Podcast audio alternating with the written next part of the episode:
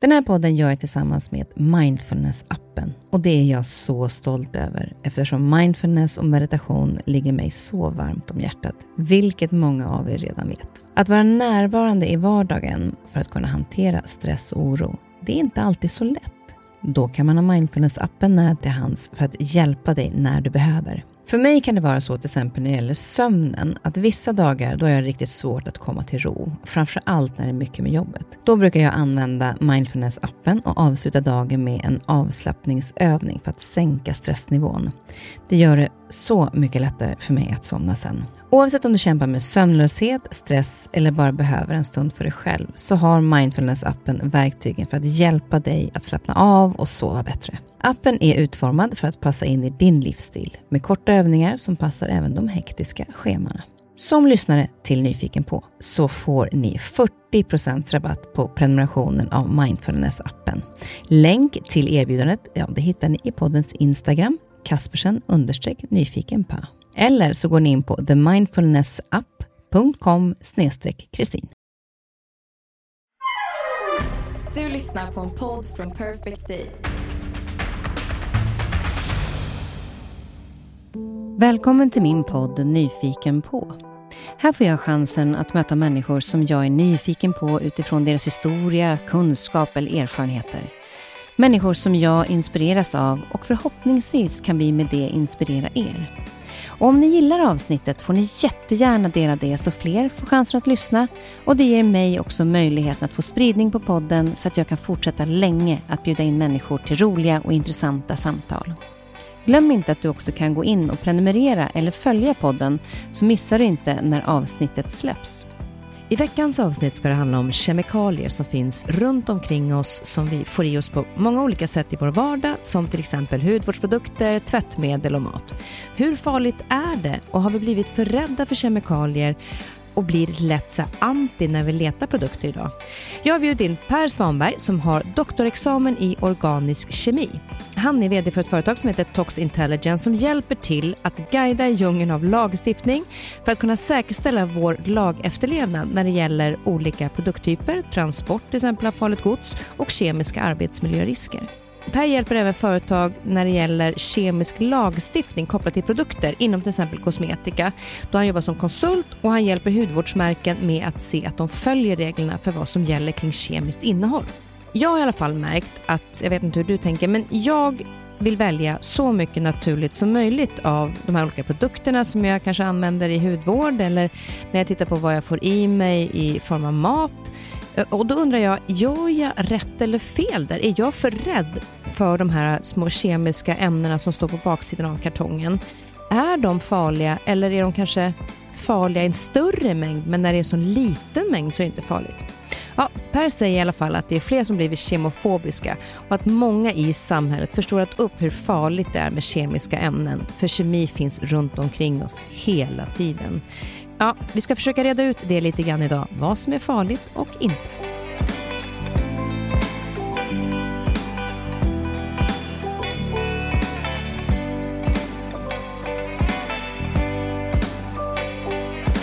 Nu är du här Per. Mm. Välkommen. Tack. Det är ju så att jag har ju, eh, jag tittade faktiskt tillbaka i mina anteckningar och det är eh, oktober 2020 som jag skrev upp dig på min lista. Oj. För att jag ville ha dig som gäst. Och sen så blev jag liksom lite förvirrad över att jag inte visste riktigt hur jag skulle... Det var så mycket jag undrade över så jag hittade liksom ingen rak linje i det. För att det här med kemi är för mig totalt en gåta. Mm. Men jag tänkte att eh, då är då jag ska bjuda in dig. Ja. För är jag helt vilsen i det här så kanske du kan hjälpa mig på vägen. Ja. Eh, men är det någonting du får höra, är det här någonting vanligt som du får höra kring just när det gäller kemi? Absolut. Jätte... Att det finns en förvirring? Det finns en förvirring, det finns en okunskap, det finns en, ett, ett ointresse och alla har vi de här, eller det är väldigt vanligt skulle jag säga att man har dina erfarenheter. Man, man hade någon, jag brukar säga när jag föreläser ibland att hur många här inne hade en konstig kemilärare som hette Kurt eller Lennart eller Gunnar eller Roland på högstadiet som stoppade konstiga saker i konstiga bägare och så sa det pang och så tyckte kemiläraren det var roligt och sen fattade ni ingenting och så tänkte ni jag söker en gymnasieutbildning som inte innehåller kemi. Ja. ja och då, då räcker de flesta upp handen. Ja, där, det, det är jag. Det är jag. Ja. Så att, eh, och, och det är ju tragiskt och sorgligt. jag förstår ju verkligen det. Jag hade också en sån, men jag tyckte att det var lite intressant och kul och spännande också. Vad var det du tyckte var så intressant och kul med ja, Kanske inte just kemin på högstadiet, men, men fysiken och biologin, alltså naturvetenskapen i sig tyckte jag nog var roligt. Att det var en helhet som var intressant med fotosyntes och elektricitet och liksom hur saker och ting hänger ihop och fungerar och sådär. Och att det finns allting består ju av kemiska ämnen också. Det är det som bestämmer vilka egenskaper det har. Om det är en röd färg så är det ett rött färgämne. Om det är en hård yta så är det kanske en metall eller en glas och det har ju en kemisk strukturformel. Att, det där har jag varit fascinerad över, så jag sökte ju en eh, naturvetenskapligt gymnasium och där fick jag en jätte, jättebra då, å andra sidan kemilärare, mm. eller lärarinna, så, som då verkligen kunde förklara sambandet mellan mellan kemisk struktur och, och, och, kanske fysisk form eller kemisk struktur och biologisk funktion. Eller så här, hur, hur fungerar det här?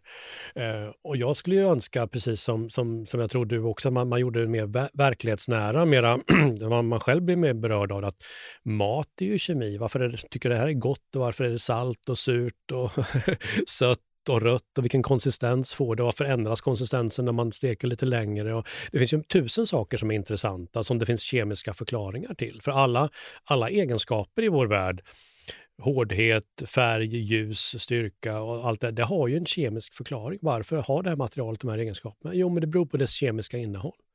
För om du skulle förklara kemi, vad är det? Vart, vart, ser vi det någonstans? Ja, men jag ser att kemi är ju allting och det kanske är lite pretto att säga så, men, men allting består av kemikalier brukar jag säga. Människokroppen, alltså, alltså de cellerna i våra kroppar, de är ju ingenting annat än kemikaliefabriker som producerar hela tiden. De kan dela sig själva, producera, alltså göra kopior av sig själva. Det är ju helt fantastiskt. Och, och det finns DNA-kedjor där i generna liksom, och det DNA är ju egentligen en sockermolekyl kan man säga, riboser som sitter ihop. Då måste vi äta socker och så är det, och så är det fett runt cell, cellväggen, måste vi äta fett och sen tillverkar cellerna i väldigt stor utsträckning proteiner, så då måste vi äta proteiner också. För att leva och må bra och kunna liksom tänka tankar. Och så. Sen måste vi ha lite vitaminer och lite mineraler också för att allting ska funka på ett bra sätt. Så att allting är ju kemi. Alltså det finns inget, och så är vi vandrande vattenlösningar. Blodet är ju massa vatten i och så vidare och lite annat också för all del. Men det är ju, det är ju, eh, vi tänker tankar, hur, hur går det till? Varför, varför är man glad? Varför är man positiv? Varför mår man bra ibland? Varför mår man dåligt ibland? Och hur kan man styra det där kanske med både egna metoder och med konstgjorda metoder kanske? Och så där. Det är ju kemi i det också. Liksom. Liksom. Det, det, är ju, det är ju otroligt mycket som är fascinerande. Jag tänker på ja, jag är väl lite nörd kanske, men det mesta som jag, liksom, jag tänker från det kemiska hållet på ganska mycket. Och jag tycker det är väldigt fascinerande varför, som jag såg bara häromdagen om Melvin Lyckeholm, då, höjdhopparen Stefan Holms son. Han är ju så 15, 16, 17 år och jätteduktig på att hoppa höjdhopp. Alltså apropå gener då, jag menar, det är klart, hans pappa var världens bästa höjdhoppare och så är han då, så blir han världens, eller jätteduktig höjdhopparkille. Liksom. Det är fascinerande. vad, vad, är det i de här generna som gör att man blir jättebra på att hoppa?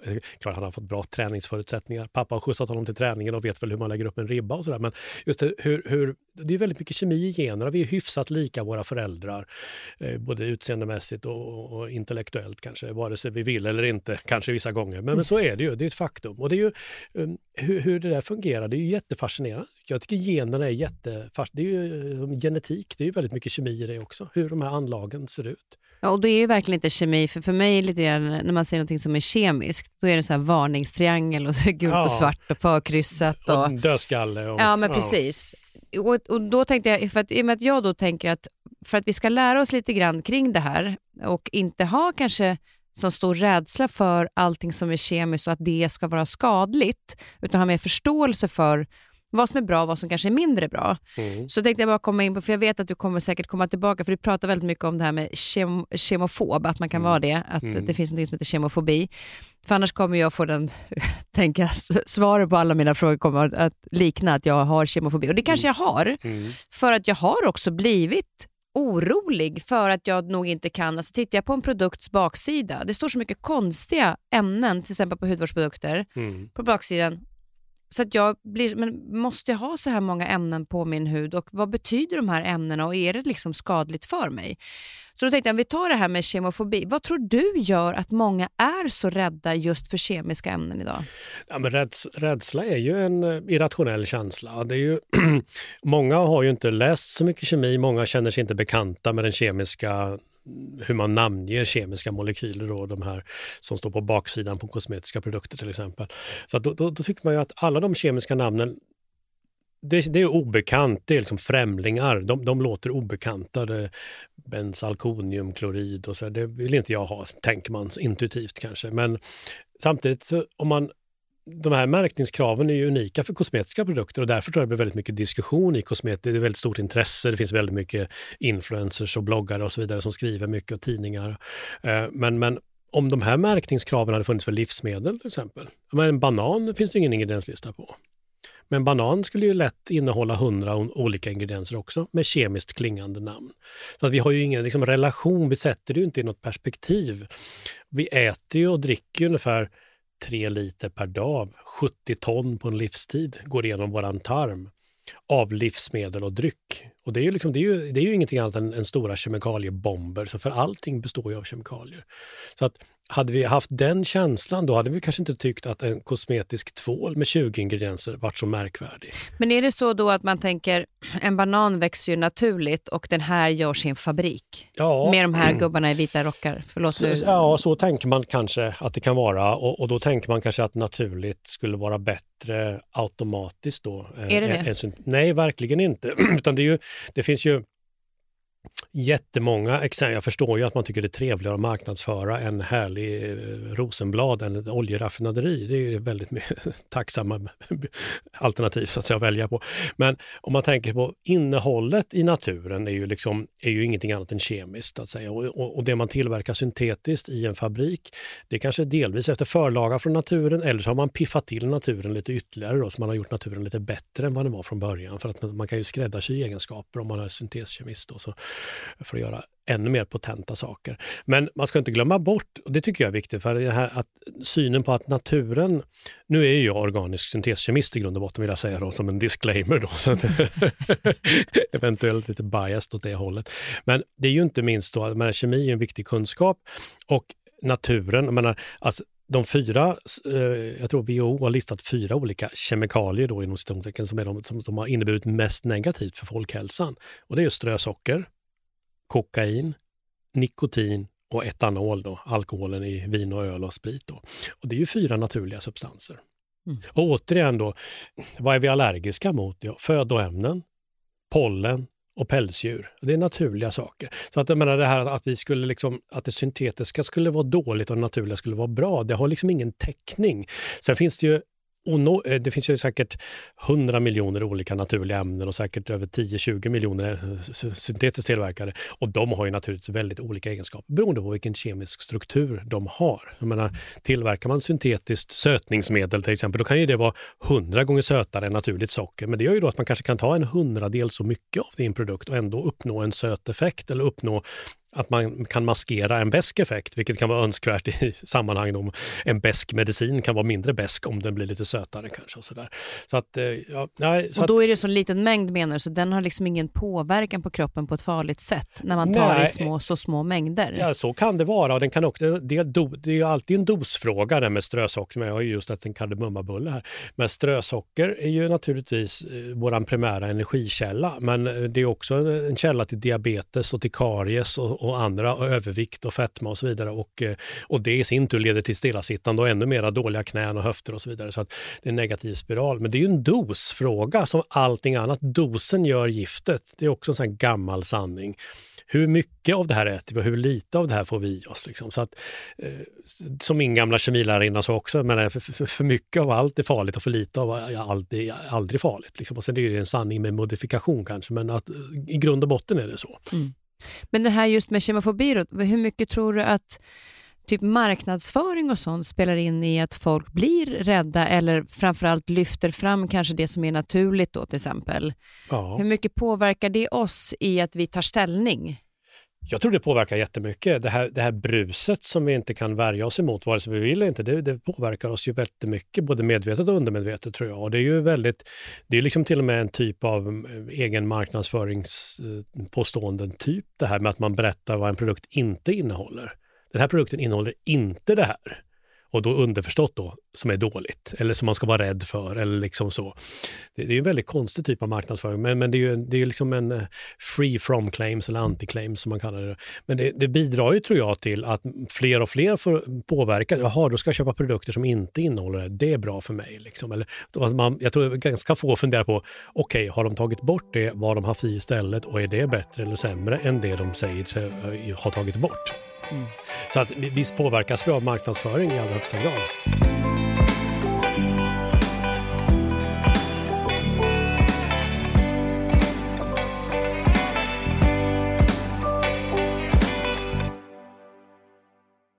Men jag tänkte om vi ska ta gå in och börja prata om huden. Mm. Huden är en av våra största organ. Jag har hört att, äh, att man säger att, nu att fascian, alltså bindväven, räknas till det största numera. Ja, Annars har man ju sagt att huden är, är det största ja, man, organet. Man brukar säga att huden är vårt största organ. Det, ja. det, det är vad jag brukar säga också. Men jag ja, men jag hörde nu att... Äh, men, men jag ska det osagt. Men i alla fall, jag vill ändå nämna det ifall det är någon som sitter och vet, har ja. sett den här äh, forskningen på det. Men, men huden då är, är, vårt största organ, eller ett av våra största organ, ja. eh, som skyddar oss från väldigt mycket och också håller ju väldigt mycket på plats i kroppen. Mm. Vad skulle du säga är vikten av att ta hand om huden ändå, om man tänker när det kommer till just att varför vi använder produkter och så? Det är ju jätteviktigt att ta hand om sin hud. Det är ju, det är ju dels då den rent medicinska funktionen, då, att man stänger inne mekanisk barriär, då, stänger inne det som ska stängas inne och man skyddar mot yttre påverkan då, utifrån. Och för att kunna göra det så måste ju huden vara intakt. Då. Det kan ju inte vara stora sår i den eller sprickor eller sådär. Då, då, då fungerar ju inte huden som den ska. Plus att det är naturligtvis oangenämt att ha sprickor och torr hud och, eller flagor och, och, och fjäll, fjäll på huden också. Så att, och I dagens samhälle så tvättar vi oss ju ganska mycket. Och det är ju en belastning på huden. Eh, och, eh, och, och, det måste man ju då kompensera eh, med hudkräm i stor utsträckning om, om man ska ha en bra hud. Eh, och eh, i Sverige är det kallt på vintern, torr luft, så många märker av att, att man behöver mer fet kräm eller kanske fetare krämer på vintern än på sommaren kanske också. Så att, att det, det, finns all anledning att, att eh, smörja in sig och ta, ta hand om sin hud. Sen är ju också det vittnar ju människor med akneproblem eller människor med hudallergier. Så det är ett väldigt stort socialt handikapp att ha en hud som inte ser frisk ut också. De, har man väldigt allergiska händer till exempel, då vill man kanske inte ta i hand eller visa sina händer. Och, eh, har man väldigt akneproblem i ansiktet, det är också ett väldigt stort eh, stor eh, negativ parameter för de som har det. Så att en, en frisk, välmående hud är otroligt viktigt. Mm. Och vad bör man tänka då för att ta hand om det? Jag vet inte, smörjer du in dig ofta? Jag smörjer in. Jag har, jag har väldigt enkel hud tack och lov. Men min fru har mycket torrare händer än vad jag har. Hon måste smörja sig väldigt mycket mer än vad jag måste göra. Jag smörjer in, jag smörjer in mina händer lite nu och då. Jag smörjer in ansiktet varje dag. På sommaren smörjer jag in kroppen mycket i större utsträckning också när man, när man är mera kortbyxor och kortärmat och badar och, och mera så. så då, då, Men då är det också solskyddsfaktor som då kommer är, Då är det solskyddsfaktor och absolut. Precis. Men om man då ska eh, välja vad man ska smörja in, för det finns ju sån uppsjö av olika produkter för typ allt. Ja. Om det så är peeling eller hudkräm, nattkräm, ögonkräm, föryngringskrämer, jag vet inte allt som finns på marknaden. Ja. Vad, vad säger du om det eh, just för vad den har för inverkan faktiskt på huden?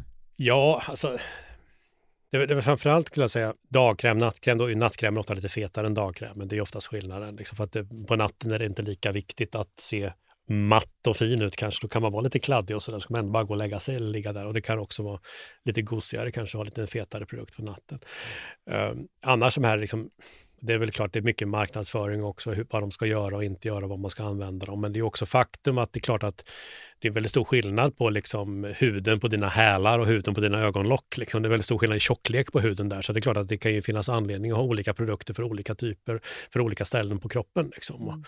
Och, handkräm kanske är en praktisk produkt, den är enkel att ha i handväskan och man smörjer just händerna som är tillgängliga på ett visst sätt. Och ansiktskräm kanske man har i badrumsskåpet och bodylotion har man i badrumsskåpet och så vidare. Sen för kvinnor har ju ofta ögonkräm om man vill ha det, då, för det är ju extra tunn hud och extra delikat hud och eh, mycket makeup, mycket makeup removers som används i det området. Då vill man kanske ha en extra fin kräm till det området också. Då. Det är också väldigt liksom, i ögonfallande, bokstavligt talat, då, del av människokroppen, då, huden runt ögonen. Men om man då ska gå till det här med vad som är kemiskt och vad som är naturligt, för det blir ju mer och mer att folk pratar om att, så här, att det är bra med jag har några produkter hemma där det står liksom 100% eh, naturligt mm. och veganskt och vissa har ju 38 olika ingredienser på förpackningarna. Ja. Va, och då blir jag så här, hur kan det vara möjligt att det är så olika på, på någorlunda samma produkter? Ja, men det, det, finns ju säkert flera förklaringar. Men en, en av dem är att många naturliga ingredienser har ju, har ju latinska namn. Då, latin, Helianthus anus, seed oil, solrosolja och sådär.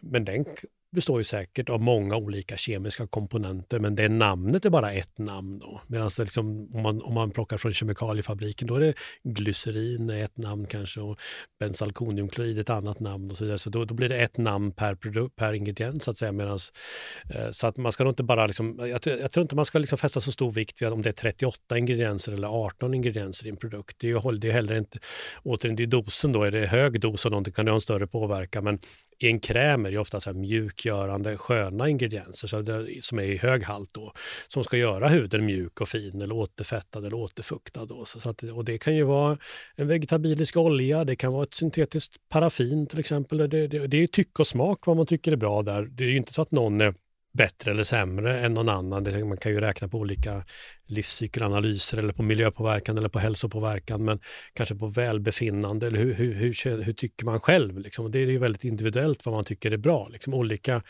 människor har ju, vi har ju olika tjockt hår, olika tunt hår, olika hårfärg, olika hudtyp, eh, fet hud, torr hud, blandhud och så vidare. Så att alla gillar ju olika produkter. Så det, det, är ju det snacket om att, att det är många ingredienser. Det är snarare att man skulle känna sig lite trygg i det, för då är alla ingredienser i ganska låg halt. Så att då har de säkert... Eh, så det är nästan bättre ibland kan det vara? Ja, det, ja, ja, menar, alltså, alltså, det, är vara, det, ja, det är svårt det här. Det finns inget rätt eller fel eller svart eller vitt skulle jag säga. Men, men eh, alla kosmetiska produkter är också säkerhetsbedömda. Det är sånt som vi gör i, i vår professionella vardag, säkerhetsbedömer. Tittar då på alla ingående ingredienser i den halt de finns och i den exponering som produkten leder till. Och Sen gör man en säkerhetsbedömning av det. Så att alla produkter som finns på den europeiska marknaden, de är ju säkerhetsbedömda av någon som kan det här. Och det, det kan man vara, därför kan man vara trygg med att det du kan köpa, oavsett vad det står på baksidan, har blivit godkänt, annars skulle andra kommit igenom? Ja, det har blivit säkerhetsbedömt om då den här ansvariga personen har gjort som man ska enligt lagstiftningen. Så att säga. Så då är det säkert. Och det, det, får man ju lita på. Det, det, det finns väl säkert någon, någon, som fuskar också, men de allra flesta produkter, de, de, som är lagliga, de är säkerhetsbedömda. Så du skulle säga att, att oavsett vilka produkter du än köper på handeln idag så behöver du inte vara orolig för att det är skadligt för dig? Ja, absolut. Det skulle jag säga. Mm. Mm. Men, men jag var ju eh, då en av de här som har trott att när jag smörjer in min hud så eh, med tanke på att jag tänker på liksom lymfsystemet och att liksom det stora reningsverket i kroppen och så lägger jag på massa saker som den ska behöva ta hand om. Mm. Men det kommer inte så långt. Det kommer eller? inte så Nej, alltså det mesta, återigen, huden är en jättebra barriär som stänger ute det man smörjer det med i stor utsträckning. Någon procent kan kanske komma in och beroende på vilken eh, molekylstorlek det är på ingrediensen och så, så, så kan det någon, absolut, man, kan, man svettas ju om man tränar lite grann, man svettas ut lite vatten och de som slutar röka och har nikotinplåster får ju in lite nikotin i blodet. De tycker inte att de får in tillräckligt, men, men så, att, så, att, lite kan ju gå in och ut genom huden. Men det är inte så att mycket gör det, utan det är om man, säger, om man jämför med tarmen, när man äter och dricker, då går saker ner i magen i tarmen och sen går det ut i blodet. Och det som inte går ut i blodet det går ut bakvägen. Då. Så du skulle säga att det, det är mer riskfullt det vi tar, stoppar i oss via munnen? Ja, alltså, alltså, om, man, om man pratar ur ett systemiskt exponeringsperspektiv, alltså hur mycket kommer in i din kropp, ut i ditt blod, ut, kan simma runt i dig. Då av det du äter så går ju nästan, tarmen är designad för att släppa igenom saker. Den ska ju släppa igenom kolhydrater, fetter, proteiner och mineraler och eh, allt det du äter. Det ska ju gå ut i blod. Om man dricker några glas vin, nu ska vi inte göra oss lustiga över etanol, men det är ett bra exempel för de flesta har en relation till det. Då tar det inte så lång tid innan man känner att nu har jag etanol i mitt blod. Eh, men skulle man stoppa e- etanol på huden så, så skulle det inte hända så mycket. Liksom. Det, det, huden stänger ute. Så att det, det är väldigt, liksom, det, det är väldigt mycket missförstånd där, skin food och vad matar du din hud med och så här. Men huden, och jag tycker heller inte att hudvård ska handla om, liksom, det, det, hade det varit en bra väg in i kroppen då skulle läkemedel administrerats via krämer och det gör de i väldigt liten utsträckning. Alla vill ju göra tabletter som man ska äta. En tablett om dagen är det perfekta, eller kanske två. Eh, för att magen och tarmen är ju det som, sättet som, som, som primärt kommer in i kroppen. Sen är ju lungorna är väldigt bra också, om man andas in då eller om man så, det, det syresätter man sig själv hela tiden. Så mm. det är men, men, jag har hört att, att eh, så och, återigen, jag har hört, mm. inte, det är en ganska vanlig grej kanske just när det gäller det här kemiska och vad som är farligt. Eh, men just som med deodorant till exempel. Mm. Huden upplevs ganska tunn där och att det sitter nära lymfdelen.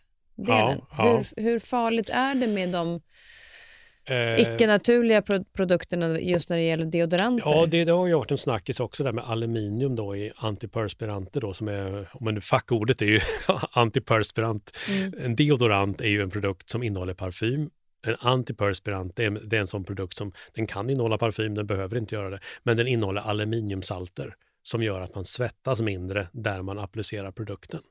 Och det gör man ju då i armhålan traditionellt, då, så svettas man mindre. Och, och, och det, det, funkar ju så att de här aluminiumsalterna de bildar pluggar i svettkanalerna, alltså temporärt. Så att då svettas man ju inte där man applicerar produkten. Och sen över tid så löses de här pluggarna upp och så går de ut utåt. Då. Det går inte in i kroppen utan det går ut från kroppen. Mm. Eh, så att det här är väldigt mycket av en skröna att antiperspiranter skulle ge bröstcancer. Det har varit en sån här skröna för att armhålorna sitter nära brösten. Det är också en ganska fånig tankefigur med tanke på att det, det skulle gå in systemiskt och påverka hela kroppen naturligtvis. Då. Men återigen, antiperspiranter de är säkerhetsbedömda Eh, de är också säkra att använda. Så att det, det är liksom en smaksak. Om man vill använda en antiperspirant då ska man känna sig trygg med att göra det. Och Det är en jättebra produkt då, som gör att man inte svettas där man applicerar den. När jag var liten och när du var liten kanske, då sa vi LP-skivor. Det vet inte folk vad det är. Nu ser man lökringar tydligen. Men, men att man har väldigt, väldigt stora svettproblem, det blir man ju av med då liksom, om man har en antiperspirant. Om man applicerar den där. Men jag tänker då att, för det är ju inte så att man använder det en dag, utan du använder det liksom varenda dag i princip året runt. Ja. Då blir det ju väldigt mycket påverkan alltså under en längre tid och det har inte heller någon påverkan menar du? Nej, det menar jag. Ja, men det där är ju helt jättekonstigt, för det var jag helt stensäker på. Ja. Vad jag har blivit, men just det hur vi ja. påverkas av då utifrån ja. vad, vad som är farligt kemiskt sett och vad som går in i vår kropp. Ja, men absolut. Och det, det, är, det är väldigt mycket sådana skrönor och myter.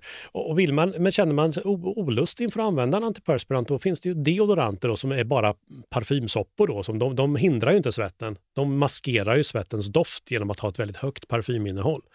Eller behöver man då inte använda någonting alls och lukta svett då, eller liksom duscha oftare. Eller liksom det, det, Men du menar att det, kommer inte, det skadar inte kroppen att använda det? Nej, det gör det inte. Det som är i innehållet Det skadar i... inte kroppen. Det, fram, framförallt blir det i princip noll bidrag till aluminium i kroppen också. Och vi får heller inte glömma bort, återigen på det här med kunskap om kemi, aluminium är en av de vanliga metallerna i jordskorpan. Så allting som växer i jordskorpan, det vill säga all vete och potatis och whatever, och kor som betar gräs som växer i jordskorpan, innehåller ju, alla livsmedel innehåller ju låga halter aluminium.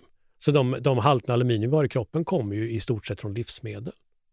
Så återigen då, man väger de här olika exponeringsvägarna ifrån mot varandra. Det man äter och dricker det diskuterar vi mycket mindre än det man smörjer på huden. När ja. man kanske och varför, varför, tror du att det är så? Ja, men jag tror delvis kanske den här regeln om att deklarera alla ingredienser på en förpackning och att det finns ett väldigt stort intresse eh, och folk tycker att det har otäcka namn och att, att det har blivit en sån liksom, snackis. Men, men livsmedel sitter man inte och tittar på likadant. Sådär. Eller bananer finns det ingen ingredienslista på och så vidare. Så. Men vad är, som, vad är det för regler som gäller där? För jag, jag, såg bara, jag tittade på några av de förpackningar jag har och där finns det på några så finns det ingredienser på själva förpackningen men inte på den andra. Jag fick gå in på hemsidan på den ena. Ja, det, det är också. Om det är en kosmetisk produkt som har då en behållare som man säger innerförpackning då, och sen har den en ytterförpackning också, då är regeln att den måste, ingredienslistan måste stå på ytterförpackningen. Och tanken med det är ju att man ska kunna vid köptillfället titta på vad produkten innehåller. Så det själva, om, du, om det är exempel, nu sitter jag och håller en tub här, ja. så att om den är i en låda ja. så räcker det med att det står på lådan. Det behöver inte stå på Nej, själva tuben. Precis, innehållsförteckningen behöver inte stå på innerförpackningen. Nej, just det. Men det Nej. måste ändå finnas. Och sen var det väldigt bra för jag gick in på den ena som, och de hade också skrivit ut på hemsidan mm. också så här, vilka av de här som är viktiga för huden. Ja, alltså vilka absolut. ämnen. Ja, det, det tycker ju, jag var väldigt schysst. Ja, det finns ju mycket sån information, tilläggsinformation då, som, som eh, företag har på sina webbsidor, absolut. Mm. Mm.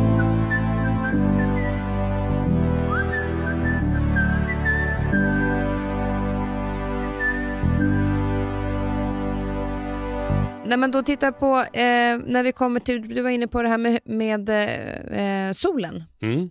Så har det ju pratats en del kring hur skadligt, alltså det, det är flera, så många barn till exempel har ju börjat att man använder hellre täckande eh, lång baddräkt typ, som är långärmad och så. Eh, Mm. Det har väl kanske inte bara att göra med att man är rädd för att det är skadligt att själva krämen är skadlig utan mer att det kanske försvinner under dagen, att det är lättare om de sitter och badar att det inte åker av. Mm. Men jag har också fått höra väldigt mycket om att solkrämerna även kan, nu är det jätteviktigt att vi använder solkräm, men att det även kan vara skadligt för miljön eller Mm. korallerna till exempel om vi är utomlands och så vidare. Mm. Har du hört någonting om det? Jo, absolut. Jag har hört om det och det, det finns ju, eh, jag tror det är Hawaii och Florida har väl nå- något förbjudet, ett eller två av de här UV-filtren som är ganska vanliga. För det UV-filtret är det som är skadligt. Ja, UV-filter är de verksamma ämnena. Det är de som skyddar mot, mot det är UV-filter som skiljer en body lotion mot en solkräm kan man säga. Det är enkelt uttryckt då är en, en solkräm med body lotion med UV-filter i då. Så de skyddar dem mot solens farliga UV-strålar som gör att vi, blir då, vi får mindre UV-strålning på vår kropp när vi har solskyddsprodukt på. Och det är ju bra. För att ju mer UV-strålar på vår kropp, vi får desto högre risk för, för eh, hud, hudcancer och det är en väldigt energirik strålning som då vi blir bruna, vi tycker det är snyggt i Sverige fortfarande, men, men det, det, det har också vissa, Liksom, det finns ett starkt samband mellan, mellan UV-strålning och hudcancer också. Så att eh, det är ju, ja, det är en väldigt viktig produkt. Hudcancern ökar i Sverige och i de nordiska länderna. Vi är ju soldyrkare, så fort snart börjar ju solen komma riktigt varmt och då slänger vi av oss kläderna och, och bränner oss gärna. Sådär. Mm. Så att, eh, men visst, UV-filter har också ganska dåliga miljöegenskaper. Det, det är ett faktum. Men här kommer den här risk-nyttovärderingen in som man tillämpar för läkemedel i väldigt stor utsträckning. Om man tänker att ett väldigt starkt läkemedel som kanske botar cancer, då accepterar man ju att tappa håret och må väldigt illa. Det är ju den ena extremen, men för en vanlig body lotion där finns det ju ingen sån nyttoeffekt. Den ska ju bara kännas bra och vara skön. Men UV-filter ligger väl någonstans där mittemellan då. Den skyddar ju mot UV-strålning och det finns, med dagens teknik har vi inget annat sätt än att använda de här UV-filtrerna i krämer då. De är inte jättebra för miljön, men man bedömer att hälsoeffekterna på människan övertrumfar de här. Inte minst i Sverige är det en väldigt kort solsäsong, vi använder dem ganska lite. Eh, men men, men visst, visst, eh, visst har de dåliga miljöegenskaper, så är det. Jag läste på Apotekets hemsida så står det att solskydd innehåller inga hälsoskadliga ingredienser som kan orsaka skada på din hud eller hälsa.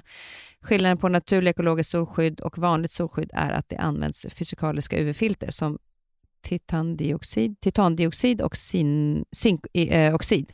Ja, Och sen läste jag på en annan hemsida. Är det viktigt att ha naturliga solskydd under eh, många? Redan 2019 hade en studie undersökt och visat att kemiska UV-filter i solskydd tränger in genom huden och ut i blodet. För vissa solskydd blir nivåerna i blodet så höga att de bör utredas för hälsorisk enligt studier. mm. Och det var en artikel som släpptes i, Svenska Dagbladet. Jo, absolut. Eh, ja, vilka halter det är, det får man ju titta på noggrannare, men, men rent generellt sett, huden stänger ute. Det, det är väldigt låga halter som går in i blodet. Så det där skulle jag vilja titta närmare på innan jag kommenterar en, en Mm. enskild studie i så fall. Och när det gäller med fysikaliska och kemiska filter, det, det är sant, det finns två som man brukar kalla för fysikaliska, då, zinkoxid och titandioxid. Och sen är de övriga filtren är organiska molekyler och kolinnehållande molekyler så att säga. Och vill man så vill man, kan man göra den uppdelningen, annars kan man tycka att alla de där UV-filtren är kemiska. så titan var det inte kemiskt med titandioxid eller zinkoxid kan man undra.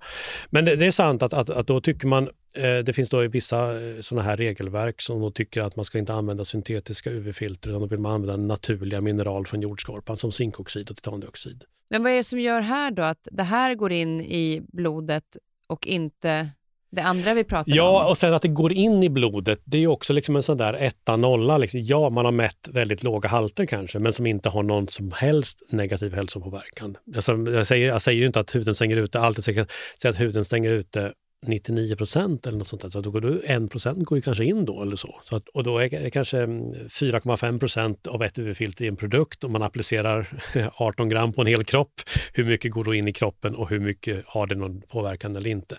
Så att det, det, är det är många, många eh, så, så att, att, att påvisa att någonting har gått in, det, det kan vara sant, men sen kanske man inte berättar att halterna var så låga att det inte har någon på, påverkan. Så att det, det är ju nyanser där som, som ofta kommer bort. Men är det just sådana här saker som gör att det blir en form av kemofobi? För att då blir det ju, men vem, vem fasiken ska jag tro på? Ja, nej, men absolut. Eh, om, man, om man jämför den, om man, mellan tummen och pekfingret, om man jämför exponeringen av att smörja in hela sin kropp med att äta normala frukost, lunch och middag, så, så är jag säker frukost, lunch och middag har enormt mycket större påverkan på din kropp än att smörja in sig. Mm.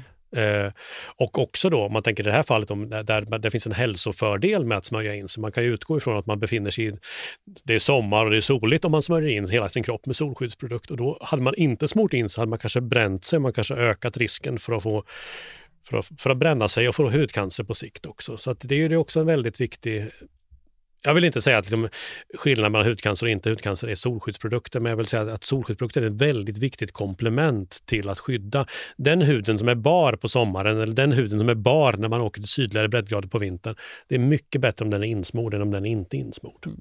Den har mer liksom positiva sidor ja. än de här sakerna som vi pratar om nu. Att det eventuellt ja, kommer in någonting absolut. i blodet. Så är det liksom, ja det kanske det gör, men ja. den gör ingen skada på samma sätt som om du inte smörjer in dig? Nej, men absolut, jag har suttit också och hanterat reklamationer för eh, stora svenska företag och då, då, då kan man få de här, alltså före pandemin i alla fall, kunde man få den här, eh, jag har varit på solsemester över jul och nyår på sydligare breddgrader och så har jag använt eran solskyddsprodukt. Eh, nu ser min hud, eh, nu är den flammig och irriterad. Och, ja, ja, och, och, och, det måste bero på solskyddsprodukten. Ja, men kan det tänkas att du har andra kostvanor under semestern? Ja, men alltså, det finns andra man, saker också som kan ja, påverka men, det. Ja, men alltså, om man druckit paraplydrinkar till pommes frites och majonnäs, det, det, påverkar också hudens kondition. Liksom, så att det, det är ju, ja. Hur mycket påverkar det vi äter, som du säger, och dricker huden? Ja, alltså, det är klart att ehm, att eh, sannolikt bra mycket mera, men om man tänker på vad, vad, är, vad är ytterst på huden? Jo, det är ju död hud det, det yttersta... Vad fräscht det låter. Ja, eller hur? ja, håll i det, det kommer, det kommer mera. Okay, okay. Ja, ja. Ja, men om man bor många på liten yta, då blir det dammigt. Mm. Ja, det känner alla till. Om man, om man bor lite färre på större yta, då blir det mindre dammigt. Ja. Och vad, vad, vad, är, ja. vad är då dammet? Ja, men det är ju döda hudceller i stor utsträckning. Ja, det är otäckt. Ja. Mm. Ja, eh, så dammråttor är död hud. Då. Vi går, vi går, vi går, alltså, livet, livet handlar bokstavligen om att vi går runt och dammar kan man säga. Mm. Ja. Och när man då exfolierar då, då tar man bort huden snabbt så att säga. Så att den naturliga exfolieringen är att vi går och tappar huden i lite lagom takt då, så att det blir lite dammråttor om vi inte dammsuger på en vecka. Eh, men det är också ett tecken på att huden växer inifrån och ut den skapas i underhuden, mm, dermis, epidermis och så vidare. Och sen när, när, när det finns tillräckligt mycket bra ny hud, då tappar vi den gamla döda huden som vi då inte behöver. Då har den gjort sitt så att säga. Och det har väl alla en relation till att man har kanske skurit sig lite grann och sen, sen ser man hur det där såret blir mindre och mindre för varje dag, nästan bokstavligen. Så efter 10, 12, 15, 20 dagar så är det helt borta. Då har huden läkt det. det är ju, då är det en extrem process och då har ni skapat extra mycket ny hud på ett ställe där det har behövts. Då, så att säga. Så att huden är ju helt fantastisk. Eh, då måste man ju då mata hudcellerna med bränsle, då, kolhydrater, fetter och proteiner, för att de ska, vitaminer och mineraler, för att de ska fungera på ett normalt sätt. Eller kanske fungera extra bra på vissa, i vissa speciella situationer. Så att huden växer inifrån och ut, så att absolut, det man äter och dricker och återigen då generna, ens egna gener spelar ju roll. Man får ju liknande hudtyp som sina föräldrar har, eller en mix av sina föräldrars hudtyp, eller kanske mer av den ena än av den andras. Men, men oftast finns ju någon form av uh, att, att man påminner om, om sina föräldrar. På något men sätt. men det, alltså, äh, äh, finns det några kemiska, alltså just den här produktionen av äh, olika ämnen i kroppen som stärker, för att när vi blir äldre så är inte huden lika alert nej, längre. Nej. Vad kommer det av?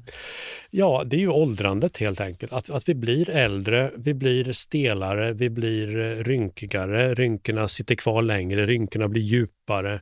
Om man sover middag får, får man kvar en sån här litet väck. Liksom. Det fick man inte när man var 18 och sådär. Då sov man inte middag heller kanske. Men, men, eh, och det är ju, I hudens fall, det kollagen och elastin det finns det två som, proteiner då, som produceras i, i huden och de eh, produktionstakterna de minskar ju. Och man får, vi får mindre hyaluronsyra i huden huden också naturligt. För det, det är det här som, som fyller ut eller som plam, plampar oss kanske lite grann. Då. Och det kan man väl känna och se på äh, människor som är väldigt gamla, att de har lite insjunken, insjunken hud och är väldigt rynkiga och skrynkliga och så. Inte så spänstiga, inte så elastiska i huden.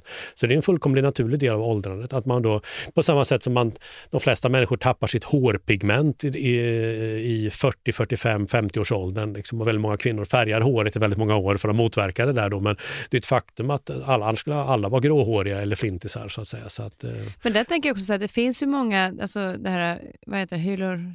hyaluronsyra. Ja, jag tycker det är så svårt med de här orden.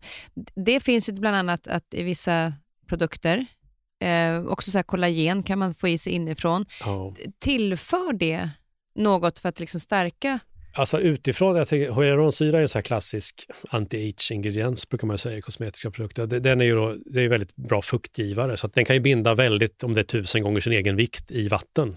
Så den, den binder väldigt mycket vatten. Så det är en fuktbomb kan man säga.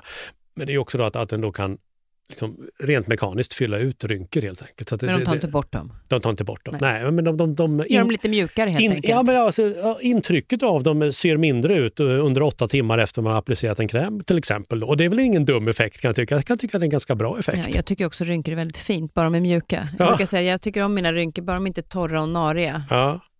Ja, Men, men det, kan, det kan hjälpa att, mjuka upp. Och, ja alltså tempo, temporärt, Då, Temporärt. som en kräm. Alltså man, man, att man, att man bokstavligt talat man spacklar egentligen. Man, man spacklar igenom, man, man gör en yta jämnare än vad den var innan genom att applicera kräm. Men, men, eh, sen, men vad jag däremot vill uttala mig om, man ska heller aldrig underskatta placeboeffekten tycker jag. Det är liksom, tror man på någonting eh, och tycker det känns bra eh, och mår bra av det, då är väl det jättebra kan jag tycka. och hur ofta är det så att man faktiskt placeboeffekten gör att det här känns toppen för mig? Jag vet inte hur ofta det är, det är individuellt, men just när man pratar kemofobi och skepticism, då kanske det är nocebo istället, den negativa förväntanseffekten. För så kan det också vara. Ja, men så kan det också, också Ja. vara, absolut.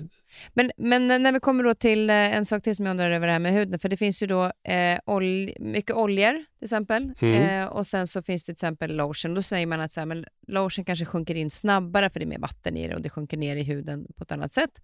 Och olja lägger sig liksom lite utanpå och tar längre tid. Hur, hur är det kemiskt uppbyggt? Hur funkar det där för vad som är kanske hållbart? Vad håller längst?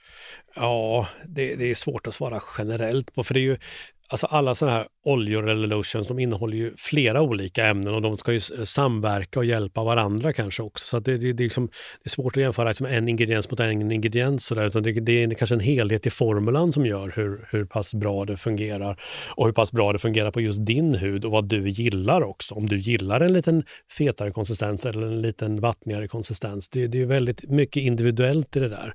Men också generella missförstånd tycker jag kring djupt ner i huden eller på ovansidan eller ner i lymfsystemet, ner i dermis, ner i blodomlopp eller vad pratar man om? Liksom, det är ju, det är ju yttersta hudlagret på, på stratum corneum som man oftast som, som, som man behandlar med, med kräm. Och det är ju det man ska behandla med kräm också tycker jag. Det är det man ska göra mjukt om det känns lite, liksom, eh, lite torrt och lite så. så, så att, eh, och sen har vi alla en olika eh, torr eller fet hud så då vill man ju ha en olika fet eller torr produkt då, eller, så, så, eller olja eller ja. Och sen är vi olika, ingen gillar väl kladd för all del kanske men en del kanske tycker det känns lite rikt och lite mysigt om det är liksom, nu är jag insmord ordentligt. Så här. En del vill att det ska liksom vara väldigt lätt att smörja in och att det ska absorberas i det yttersta lagret snabbt och så att det inte blir kladdigt. Liksom. Så det, är mera, det har mer att göra med, det är ingenting som är bättre eller sämre, utan det är mer än vad du tycker om själv. Det viktigaste är att du vårdar huden och smörjer in den om den behöver, om den är torr. Ja, det skulle jag säga, absolut. Ja. Min Mm. mamma hade ju alltid, eh, hon hade ju barnängesolja, kommer jag ihåg, när vi var små, Mm. och smörjde alltid in kroppen. Och hon har ju, hade ju en sån här fantastisk hud. Ja. Eh, jag hoppas jag ärvt den, då, Ja. man pratar om gener förut. Eh, men så jag ty- tycker ju personligen väldigt mycket om just olja. Men Ja. det är ju en personlig grej då. ja.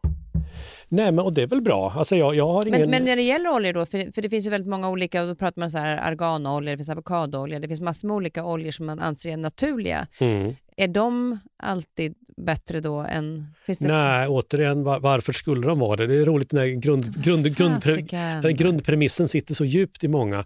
Och jag har en eh, kompis inom kosmetikasfären, hon säger det att ehm, varför skulle det vara naturligt att smörja in sig med olivolja?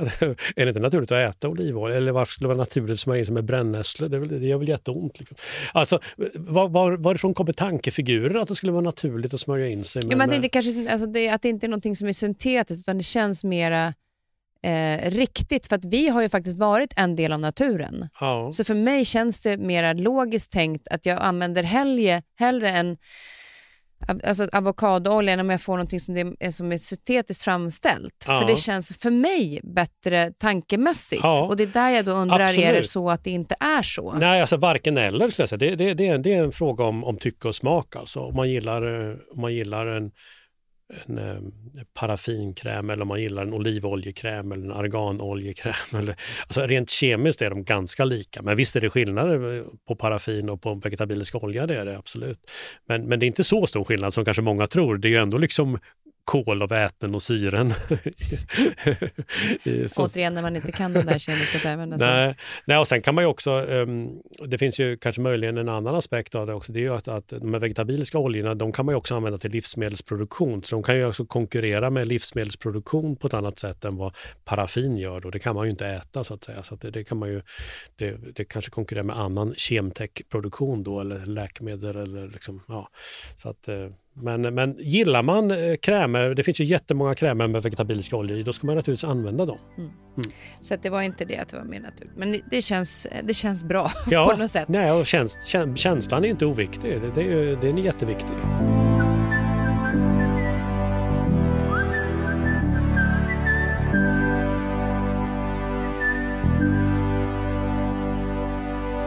Och sen tänker jag på eh, förpackningar. När, när vi har krämer eller olika saker i förpackningarna, till exempel om det är återvunnet plast eller vad det nu en, eh, om det är en plåtburk eller glas eller vad det är. Hur, kan, kan det kan avsöndras ämnen ifrån förpackningarna till krämerna som är inuti? Ja, alltså teoretiskt, nu, nu ingår ju det i säkerhetsbedömningen också, att man kont kontrollerar förpackningsmaterialet, att det är av god kvalitet och att det inte finns någon eh, sannolikhet för att det skulle kunna migrera förpackningsmaterial in i produkten. Så att det, det, det, är en väldigt liten risk skulle jag säga. Finns det några förpackningar som man ska undvika, alltså så här, som, inte, som kan avge mer? Nej, alltså jag skulle inte säga inte generellt, för de, de, de blir inte långvariga på marknaden i så fall. Om de skulle liksom börja läcka eller det skulle också förmodligen göra att själva förpackningen i sig kanske skulle bli fuktig eller luddig eller produkten skulle kanske bli missfärgad eller liksom sådär. Så att det, det skulle liksom inte det, det, det, det skulle inte förekomma i någon längre tid på marknaden. Då skulle man ju ta bort den och byta ut förpackningen. Så du, du säger att det finns liksom ingen större fara att, att om man nu köper återvunnet plastburk eller vanlig plastburk, förhoppningsvis återvunnen, så, så är det ingen fara att det avger ämnen som kan skada innehållet eller ska, ge, ö, gå över till innehållet som kan skada oss. Nej, och det är ju liksom också plastens stora, en av plastens stora förtjänster, det är att det är inert och att det liksom inte eh, att det inte går sönder, att det inte interagerar och att det liksom kan eh, innestänga och utestänga vatten. Det är Mm. också plastens stora fördel. Så att eh, plast har ju väldigt många fördelar, även om det har en negativ klang kanske. Så det, Så att det stänger ut. det kan utestänga vatten, det kan innesluta vatten. Det är det är plast. Ja, glas kan göra det för all del. Jag har ett glasglas här och porslin kan göra det. Men de här är tunga material, dyrbara material, energikrävande material. Inte så praktiska att ha i butikshyllor kanske eller skeppa över hela världen. Plast är ju så eh, billigt, så lätt så tunt, det går att trycka, det går att färga, det, går att liksom, det finns väldigt många fördelar med plast. Mm. Men det finns också väldigt många nackdelar med det eftersom det påverkar vår miljö. Ja, det, det är klart att det är ju en Det är framförallt, att att en, framförallt att det är en ändlig resurs, att det kommer från petroleumråvara och det måste vi väl vänja oss av med på sikt. Och det är det jag pratar om, att vi måste hitta mera återvinning i avfallsledet så att vi kan återvinna mera plast och använda den plasten flera gånger. Sen är ju inte glas eller porslin eller metall eller trä är ju inte heller okontroversiellt eh, om man tittar på ett helt livscykelperspektiv heller. Nej, men medan man hittar plast i haven exempel så bryts Ja, det inte ner. Nej, absolut. Men, men eh, om man skulle, det är ju mänsklig felhantering som är väldigt eh, olycklig och att det finns så mycket plast beror ju på att plasten blivit så populär. Så att, men absolut, det är ett jättestort problem med marin nedskräpning och nedskräpning överlag. Att, att vad är det, 3-5 miljarder människor på vår planet har inte en ordentlig eh, sophantering, åtminstone inte med svenska mått mätt. Liksom att vi har återvinning, att vi har fraktioner vi samlar in, att vi har containrar som hämtas med lastbil och, och det som inte kan återvinna gör vi fjärrvärme av. Och så här. Det är ju en jättefin modell vi har i Sverige som, som, som vi verkligen skulle önska att flera kontinenter hade. Mm. Mm.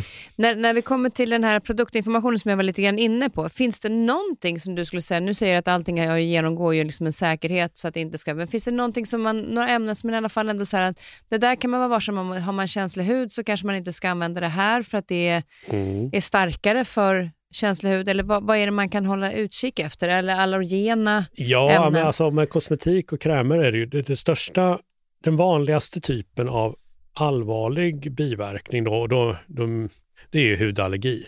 Alltså att man får kontaktallergi mot ett en ämne i en produkt. Då. Eh, det, det, är ju, det är ändå ett, allergi är en ganska allvarlig grej ändå. Det är ett livslångt tillstånd liksom, som man inte blir av med och som man då, den framkallas igen då, om man utsätter sig igen för det här ämnet. Då. Och, och, och den vanligaste typen av ingrediens som ger den här allergin det är ju parfym, alltså doftämnen. Och de kommer ju återigen ifrån naturen. ja, parfymindustrin är ju för all del syntetiskt. Exakt. Men den har ju gjorts utifrån eh, förlagan till parfymindustrin är ju den botaniska trädgården. Mm. Där men den har blivit också syntetisk, så att den kommer ju därifrån. Abs absolut, men, men, men, men äh, att man kom på det här var att man pressade rosenblad. Oj vad gott det här luktar, den här vätskan luktar ju fantastiskt. Och det är ju då ett eterisk olja kallar man ju det. Olja som doftar gott olja i betydelsen vatt eller vätska då, inte olja i, så, i betydelsen fet olja utan eh, olja i betydelsen vätska. För det här är lättflyktig vätska som då doftar gott och går upp i näsan och så får man en angenäm doftupplevelse. Och sen har ju kemister kommit på ja, men vad är det här för ämnen som doftar så här gott och sen har man tillverkat dem syntetiskt. Då. Så det finns över 3000 doftämnen på ett parfymlaboratorium då, i 3000 olika burkar eller flaskor. Men man, man, fortfarande använder man ju väldigt mycket botaniska extrakt i parfymindustrin också. Då. Det vill säga eteriska naturliga oljor som man använder också. Då. Men skulle det vara eh, bättre då med eteriska oljor om man är känslig för parfym? Nej, det är ett väldigt vanligt missförstånd. För det är också det här med, med om man tänker sig en eterisk olja, om man tänker att en, en eterisk olja från en växt och innehåller 20 olika doftämnen som då tillsammans gör att det här doftar som det gör. Och Sen ska man göra dem, man tar de 20 ämnena syntet och tillverkar dem syntetiskt och blandar dem i exakt samma proportion som man hade i den eteriska oljan. Då har de här två produkterna exakt samma egenskaper. För det är ju den kemiska strukturen som bestämmer och halten och dosen av dem. så att säga. Så att det spelar då ingen roll om det kommer från naturen eller om det är syntetiskt. För det är exakt samma? Eller? De har exakt samma egenskaper. Och det här är också ett vanligt missförstånd att, att eterisk olja skulle vara mildare mot huden än syntetisk parfym. Men så är det inte. utan både det är ju samma sak. Alltså. De här doftämnena de, är, de, har, de har potentiellt hudallergena egenskaper. Så om det är någonting man ska vara lite försiktig med eller om man har känslig hud, så det, det, det nummer ett som jag tittar på det är om det är produkten parfymerad och hur mycket parfym innehåller den. Mm. Det, det, är en väldigt vanlig källa till. Och det finns ju väldigt många parfymfria alternativ idag. Det står ju ofta parfymfri på produkten, eller man ser på produkten att den är parfymfri i dess presentation, att den är kanske en vit tub och sådär, att den är ganska clean i sitt uttryck. Då. Men vad, eh. finns det finns någon fördel med att ha eteriska oljor istället för syntetiska? Eller eh, just det här. Eh, ja, det är primärt kanske marknadsföring då att, och det är inte oviktigt naturligtvis. Man kan liksom marknadsföra, det här kommer från pressade rosor som har vuxit på en sidsluttning strax ovanför Nice. Det låter ju trevligt till exempel. Eh, istället för en, en syntetisk parfym. Då. Så det, det, det är väl en marknadsföringsgrej. Så du menar att det har ingen, ingen skillnad på vår hud? Eller vårat, Nej, liksom? alltså huden, huden känner inte skillnad på om en molekyl är syntetiskt tillverkad eller om den är naturlig. Benzosyra brukar jag ta som ett exempel. Det är, det är ett konserveringsmedel. Det finns i kryddhyllan på livsmedelsbutiken. Natriumbenzoat heter den där. Det finns i lingon. Man brukar säga att lingonsylt konserverar sig själv. Ja, för att lingon innehåller det naturliga konserveringsmedlet benzosyra. Men om man tillverkar benzosyra och säljer i kryddhyllan, då krossar man ju inte lingon och tar ut de där 0,5 procenten som finns i lingon. Utan då tillverkar man det syntetiskt från petroleumråvara istället. Men om man skulle utsätta sig för bensosyra från lingon eller bensosyra från petroleum, då känner man ingen skillnad på det. För att det är molekylen som bestämmer, den kemiska molekylen. Och, och människokroppen känner ingen skillnad på, kan inte känna syntetiskt eller, eller naturligt ursprung. Utan den, den, den, människokroppen känner bara igen den kemiska strukturen. Men hur är det då med om man kommer till mat till exempel? Att, att um där finns det väldigt mycket, alltså om man processad mat till exempel och att man, har, att man bör välja liksom bra råvaror. Mm. Kan du vara med mig på den då? Man bör välja bra råvaror, det håller jag med om. Just, Nej, jag menar just jag... det att, att, ha processad mat som är liksom framställt och, och vad är det som gör skillnad i det? Därför att det vet, pratar ju näringsfysiologerna ja, om som har studerat ja. det här i flera år, att det är bättre med naturliga råvaror än att, att äta processad mat? Ja, alltså, Vad är det som gör att det är skillnad? Alltså, det beror på vilka processer man pratar om naturligtvis också. Vilket, man, vi har ju en väldig massa processer för att få saker och ting på vårt bord i en form som vi gillar. Liksom. Men, men, absolut, man, men att, att, att använda råvaror av bra kvalitet, det, det, det, är väl någonting som jag kan skriva under på. Men eh, rent kemiskt så är det ju liksom ja, det är svårt att säga. Varför smakar vissa, varför smakar vissa vissa, om man säger mat av olika fabrikat smakar på olika sätt eller varför gillar man det ena mer än det andra? Jo, men det, är, återigen, det skiljer ju kemiskt innehåll, det gör det ju. Uh, men, men, men rent näringsmässigt och så, det där är mer de här stora grejerna. Hur mycket, hur mycket kalorier får man i sig per dag kontra på hur mycket man gör av med, hur mycket kolhydrater får man i sig och sådär. Så att, alltså, det, det, det, är svårt att... Det är, alltså jag, jag tycker man, man ska ju verkligen försöka äta lite av varje och man ska ju försöka äta varierat och man ska ju försöka äta säsongsbaserat och, och, eh, och och, och, på det sättet liksom att, man, att man äter mycket jordgubbar på sommaren och man äter mycket kräftor i augusti. ja, alltså det är ett sätt att liksom leva livet också kan jag tycka. Att, att när det finns, det, när sparrisen går till, då äter man sparris och sådär. Så att eh, det, det, det, jag gillar mat väldigt mycket och tycker det går gott. Det mesta är väldigt gott. Så att, eh. jo, men om man, just när man kommer till den här processade maten så menar jag just att, att någonting som smakar, en, en jordgubbe mm. som smakar jordgubbe. Ja och sen äter du någonting annat som är i processen så har du tillsatt saker för att det ska smaka som någonting ja, annat. Ja, men absolut. Det är väl klart som ja, men, ja, men, att det måste vara sämre än att äta en jordgubbe och gör liksom, ja, utifrån det. Ja. Absolut, om man, om man tänker sig eh, jordgubb, riktig jordgubbe kontra jordgubbssmak, om vi pratar det. Liksom, jag, jag är ju ingen nutritionist på ja, det men sättet. Om du gör till exempel en glass och så använder du vanliga liksom, bär än att du tillsätter ja. En ja men absolut, om man gör, om man, om man gör en glass med, med riktiga jordgubbar i, liksom, eh, eh, det är ju, eh, eller, eller om man gör en glass med jordgubbsarom. Då är det ju mineraler och vitaminer och allt annat som du får i jordgubbarna. Ja, absolut. Men framför allt så de här aromerna som görs. Alltså, jo, återigen, det, är, det kanske är förbluffande kanske, men jordgubben innehåller ju otroligt många, kanske hundra olika kemikalier då, eller beståndsdelar. Och när man gör en jordgubbsarom då kanske man tar fem eller tio av dem, eh, för de mest typiska kanske. Det är ju typiskt som pärontuggummi är ju inte päron utan det är just pärontuggummi, eller hur? Det, ja. det är liksom, man, man förstår, det är den här smaken som, som man har lärt sig, det är päronsmak, men det är inte päron.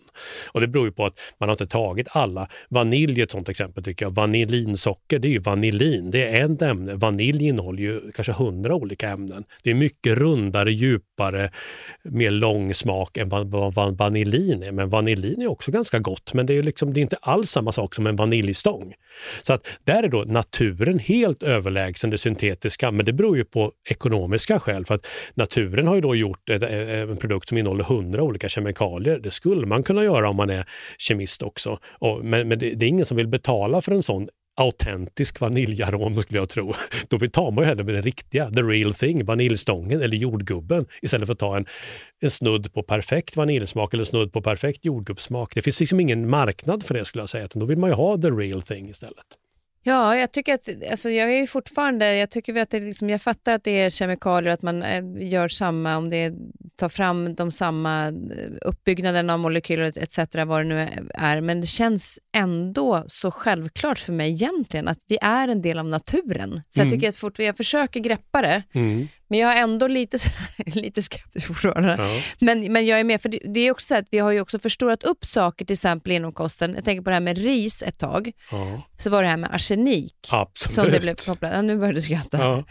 För det, jag vet då att jag åt väldigt mycket riskaka under den tiden. Jag bytte direkt typ till majskakor då istället för att jag trodde att det skulle vara bättre. Vad, varför skenade det så som det gjorde? Ja, men alltså, det var inte avsiktligt att skratta dig rakt upp i ansiktet, men jag, jag, var, jag föreläste precis, i sam, det var ju fem år sedan eller någonting, det där dök upp larmet i tid. Och då efter jag hade föreläst dök det upp en kille och, och pratade med mig och han var nybliven pappa.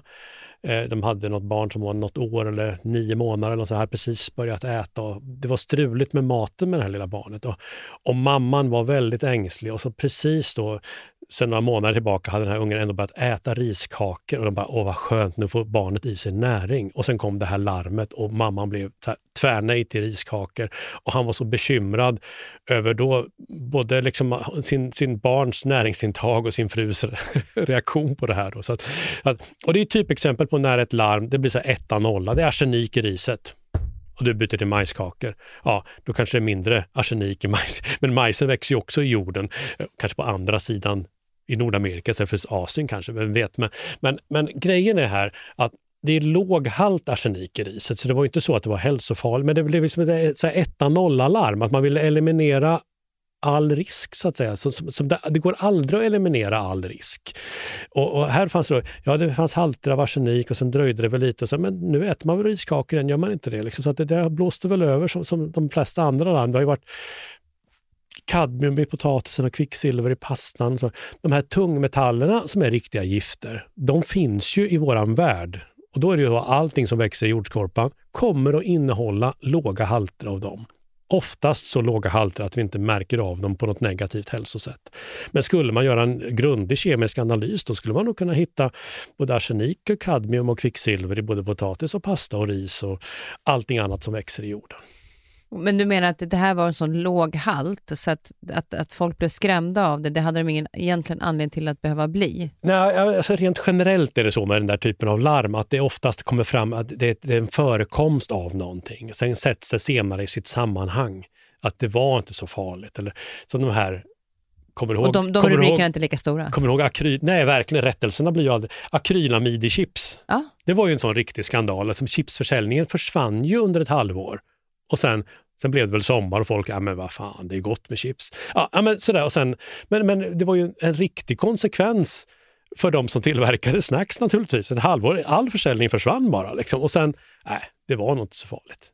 Så att det, det, det var liksom, för stora växlar dras på någon, något, något fynd. Liksom, som, och återigen sätta hela saken i sitt sammanhang. Att vi är, vi är människor, våra celler är kemikaliefabriker, vi lever i stora världen som inte är någonting annat än en stor kemikaliefabrik. Det är syrgas, det är kvävgas, det är koldioxid, vi andas in syre, vi äter bullar, vi äter, dricker vatten, vi går på toaletten, vi klär på oss, vi duschar. Vi, ja, alltså det, det, är liksom, det händer så saker hela tiden, så att sätta de här sakerna i sammanhang, det är, liksom, det är så tacksamt att skrämmas. Det är liksom medialogiken också, dramaturgi, klick, annonsintäkter. Det är så mycket som spelar med eh, de som vill skrämmas. Liksom. Men vart, vart, vart, kan man hitta, såna, om man då känner sig orolig, finns det bra ställen man kan gå in på för att hitta rätt information? För det, nu sökte jag bara på solskyddsfaktor ja, och så nej, hittar jag två olika saker om, om samma ja, grej. Ja, men absolut. Det är ju svårt i dagens läge att navigera och det är väl också det som man får lära sig mycket mer i dagens skola än i gårdagens skola, hur man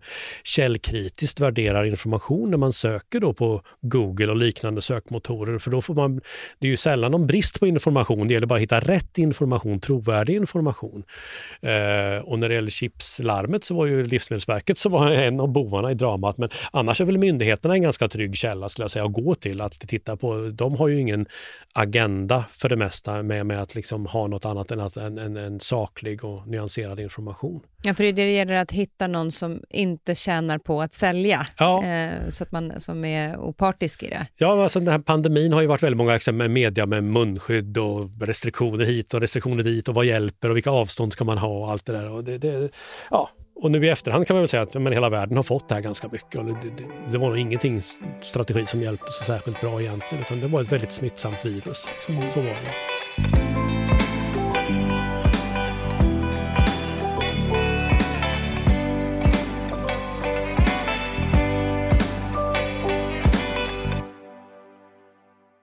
När, när vi då tittar på, från, går från mat till till exempel kläder, vi har varit inne på det lite grann, att vi tar på oss det vi tvättar våra kläder i. Mm. Också då när man liksom tvättar, dels för vad vi får på kroppen, men också det som faller av. För jag tänker när man smörjer in kroppen till exempel så står man och duschar, det åker ut i avfall. Mm. Eh, vi tvättar, det åker ner massa annat i avfall. Mm. Hur påverkas våra kroppar av olika typer av tvättmedel? För det finns ju eh, mer naturliga tvättmedel som inte försöker ha så mycket kemiskt i det och det finns de som är inte så. Det finns eh, olika ja. sidor där. Det gör det ju.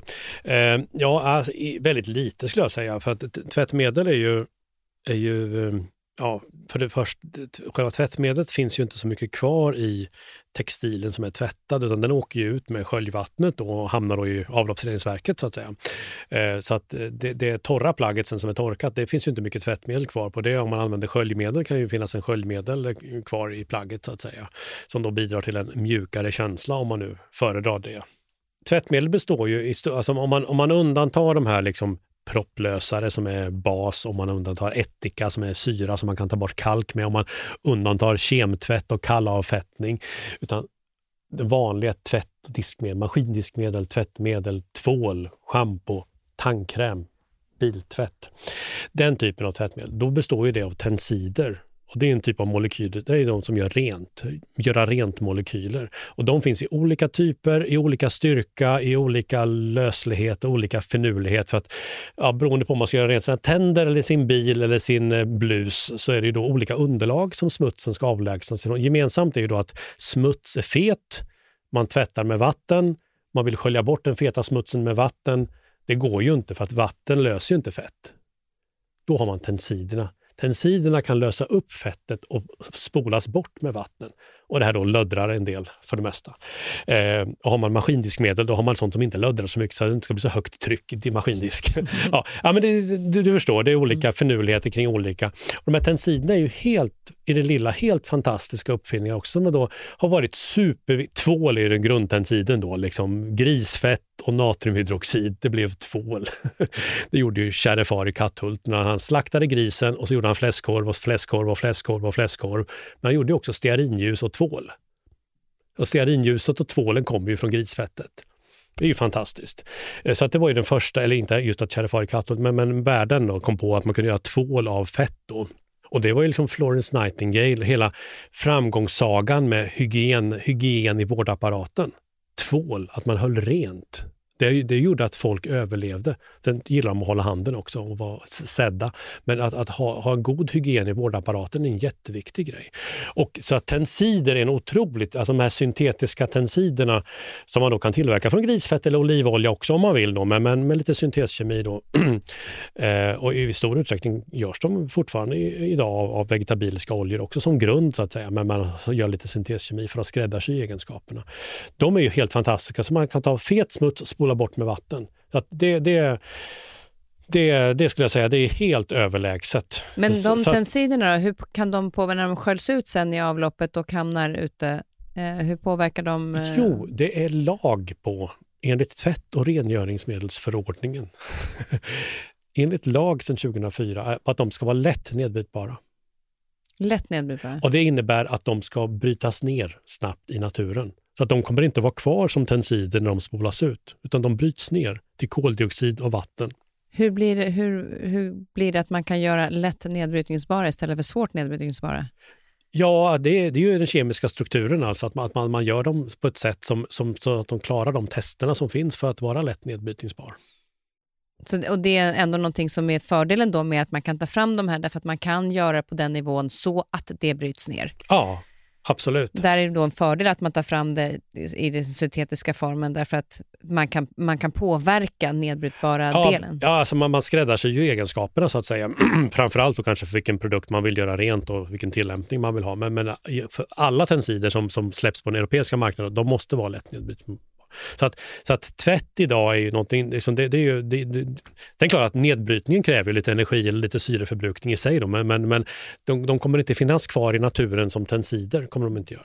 Finns det någonting inom renhållning som vi ska vara försiktiga med eh, när det gäller att inte ha för stor mängd som avlopp till exempel? Men jag tänker på klorin och de här delarna. Ja, alltså det, det är klart att att eh, vissa typer av potenta saker kanske man inte behöver, behöver överanvända på något sätt. Men, men så vanligt tvättmedel tycker jag, det är väl mer så att man, det sunda förnuftet, att man kör en full maskin, att man inte tvättar för ofta, att man kanske kan hänga ut och hänga in någonting igen och använda en gång till om man använt två timmar. Och, alltså det, det är väl det sunda förnuftet mera så skulle jag säga. Så att där kan vi vara med och påverka på det sättet att vi inte använder det för mycket så att det påverkar miljön, utan att vi kan för det är den stora mängden. För att jag tänker, det är ju ändå så att, jag menar jag tänker på vad jag gör, men det är rätt många människor som bara, man tänker bara bor i Stockholm, som tvättar. Om man tänker på hur många som tvättar samtidigt och ja. allting ska ut, ja. då blir det ju inte den här lilla mängden längre. Nej. Det blir ju en ganska stor mängd ja. som ska ut och brytas ner. Ja, absolut. Eh, men det är också, väldigt, det är också en väldigt stor utspädningsfaktor i avloppssystemet. Så, att, eh,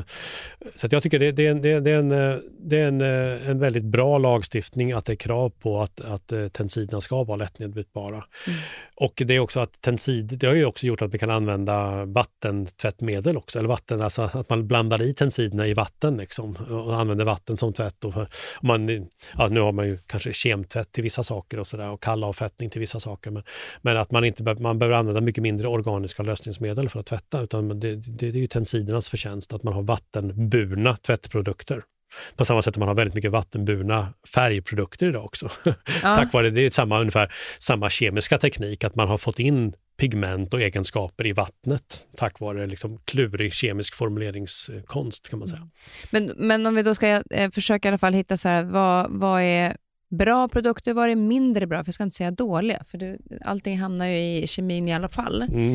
Eh, men om man ska liksom föredra rent generellt hur vi ska tänka i vår vardag kring det här för att ja. göra det så bra som möjligt för oss själva och för miljön. Ja. Hur ska vi tänka? Hur tänker du när du handlar och tvättar och smörjer in det? Alltså, tänker du någonting på vad du köper för innehåll? Ja, alltså jag är ju lite specialintresserad och sådär kanske, så jag köper ju vissa saker som jag, som jag gillar, som jag vet att jag gillar. Jag är ju tandkräm med vissa tensider i. Det är väldigt nördigt. Liksom. Men, men det, det, det, det är återigen tyck och smak. Jag gillar när det löddrar. När det, jag gillar schampo med väldigt mycket lödder. Det, det, är mer en eh, placebo, en skön känsla. mycket lödder behöver inte betyda bra rengöring, men jag gillar den här känslan när det blir mycket lödder i duschen. Det tycker jag är mysigt. Att eh, lite produkt blir mycket lödder, det tycker jag om. Så, så det, det köper jag. Eh, det unnar jag mig. Och sen tycker jag att en ganska stark tandkräm gillar jag. annars med, med, med tvättmedel och diskmedel väldigt standard, standardsaker. Så, så liksom. det är inte så att du tänker det här är mindre miljöfarligt än det andra? Eller nej, det nej utan det är väldigt mycket också, också vad som är, jag tror att det är väldigt många andra parametrar, mängden varmvatten, energiåtgången till det, väldigt många andra parametrar som spelar roll än kemet när det gäller tvätt och rengöring. Eh, det var väl också här före jul som här tvättnötterna blev så årets fake eller årets greenwash eller något sånt där av eh, vilka nu som delar ut det, Jordens vänner eller Konsumentföreningen, och så här som en sån där alternativ produkt då, som inte funkar alls. Och det är väl, liksom, det är väl ganska allvarligt. Det finns ju också så här ultrarent vatten som, som eh, företag har marknadsfört i offentlig rengöring, då, offentliga vårdcentraler. Så, så en fejkprodukt som då inte håller hygienen. Hygien är ju superviktigt, jag menar, inte minst i dessa pandemitider med desinfektion och inte ta i hand och allt det där. Så att, eh, jag, jag, tycker det, det, det, har liksom gått för långt åt andra hållet med att folk liksom tror, börjar tro på tvättnötter och ultrarent vatten och dumheter. Alltså vanligt tvättmedel, vanligt diskmedel vanlig tandkräm är inte miljöbelastande. Eller alltså, allting är miljöbelastande men inte miljöbelastande i någon större utsträckning. Men, men vi har ju också så att vi, om vi ska till exempel tömma badrumsskåpet så vill man ju, och medicinskåpet så ska man ju slänga det separerat ifrån, man ska inte slänga det rakt ut i soporna. Så det finns ju ändå en varningsflagg där att det här påverkar. Absolut, läkemedel det är någonting helt annat. Det är väldigt potenta ämnen i hög dos, i terapeutisk dos. Och det har med dosen att göra som oftast? Då. Ja, och de är också väldigt svårnedbrytbara rent generellt läkemedel och det är de för att de ska kunna passera människokroppen utan att gå sönder. För man vill inte ha nedbrytningsprodukter i kroppen för att eh, man vill bara ha en substans att ta hand om. Så att säga. Mm. Eh, de ska man lämna in på apotek och de går sen till läkemedelsförbränning vid jättehög temperatur så att det inte blir någon som helst eh, aktiv substans kvar. Så att säga. Så, det, så, det, så de kemiska delarna, där det, så det finns de som vi verkligen bör hålla koll på, att det här är liksom inte naturpreparat som, som byggt syntetiskt som vi kan slänga hur som helst, utan det finns fortfarande sånt som ja, är alltså, svårt lä för... Läkemedel är svårnedbrytbara, alltså generellt sett, alltså 90, ja, jag vet inte, jag ska inte säga någon siffra, men väldigt hög procent av alla läkemedelssubstanser är svårnedbrytbara och de är designade på det sättet just för att man vill äta en tablett, den ska simma runt i kroppen 12 timmar, 24 timmar, sen ska man kissa ut den. Och sen ska det inte gå sönder. För att skulle den gå sönder då skulle man behöva göra kliniska studier och toxstudier på de här nedbrytningsprodukterna också. Så det, och det vill man inte. Man vill ha en stabil substans som klarar sig. Men det är inte samma fara om du slänger till exempel om man skulle rensa bort parfymer och eh, x antal hudvårdsprodukter ur badrumsskåpet? Nej, absolut inte. Eh, parfymer är generellt sett det är ju etanol som finns i öl och vin och whisky och sådär och, och väldigt mycket doftämnen som då är väldigt flyktiga så de går ju upp i, i atmosfären. Så det, så det är framför allt läkemedel som du skulle säga i den? Lä läkemedel, om man var inne på plast också. Då. Plast är också, har ju gemensamt med läkemedel, plast är också svårnedbrytbart. Så att, eh, det som är svårnedbrytbart, man ska inte slänga någonting i naturen tycker jag. Men eh, det är ju extra dumt att slänga saker som är svårnedbrytbara i naturen. Så att säga. Så då ligger de ju kvar där länge. Mm. Mm. Så, det, så det... det, är viktigt att ha eh, ordnade, eh, ordnade liksom, eh, avfallshantering, ordnad liksom, hantering av eh, läkemedel. Och det har vi ju i Sverige. Som det jag tror de flesta är ganska väl medvetna om att man får eh, min fru var lämnat tillbaka på ett apotek häromdagen faktiskt. Så fick hon en sms med så här 500 poäng i kundklubben för att man, så att man, det finns en morot där också, eller liksom en uppmuntran. Så det, det är väl bra. Mm. Mm. Men då har vi varit inne lite grann på det här, för jag tänkte vi skulle dra in det med miljön, för det har vi pratat lite grann om till och från hela tiden. Mm. Men en sak som jag tänkte på som jag hade som jag då eh, i och för sig kanske kommer fortsätta med ändå, för jag tycker att det är rätt härligt, apropå att man tycker om det. Men det är just det här till exempel om man skulle göra en, en eh, skrubb till sig själv så har jag liksom mm. tagit så här, du vet, kokosolja och så har man tagit kaffesump och blandat. Mm. Eh, och det är ju superhärligt och det känns väldigt bra därför att jag har gjort det själv, jag ser vad som är i. Mm. Men skulle du säga att ja, men det är också massa kemikalier i det där som du inte... Ja, ja, ja, Nej, men absolut. Och kaffet men, var men, giftigt sa du? Ja, ja koffein. men fortsätt med din kaffeskrubb, absolut. Tycker du att det är mysigt och det känns härligt. Och det, alltså man ska aldrig underskatta de där ritualerna man gör med sig själv, tycker jag. Med, med spa, man tänder ljus eller doftljus eller man släcker ner eller man läser någon tidning. Eller, alla har vi olika sätt att, att slappna men, men är av. Inte det, är inte den bättre? Jag försöker ju nu hela tiden känner jag att jag försöker få det till att det naturliga eh, jo, är bättre. Ja, men, alltså, det, men än att jag går och köper en syntetiskt framställd eh, skrubb. Jo, men man kan, man kan, se, det, man, man kan ju se det som att om man, om man, säger, om man jämför med sandpapper då, det är ju ganska lite nära ändå. Men det finns ju olika typer av sandpapper, olika grovlek på sandpapper, ettan och tvåan och trean och fyran och femman eller hur många grovlekar det nu kan finnas. Och, och tar man då väldigt grovt sandpapper då skulle man ju liksom riva sönder sin kropp och tar man ett väldigt fint kanske skulle vara lite skrubbande effekt, jag vet inte. Men, men i alla fall kan man ju välja precis som man kanske kan eh, på träslöjden fick man så raspa först och sen fick man ta sandpapper och sen finare sandpapper. Så, så man kan ju liksom skräddarsy, det finns en hel panel där med, med, med sandpappergrovlekar så att säga.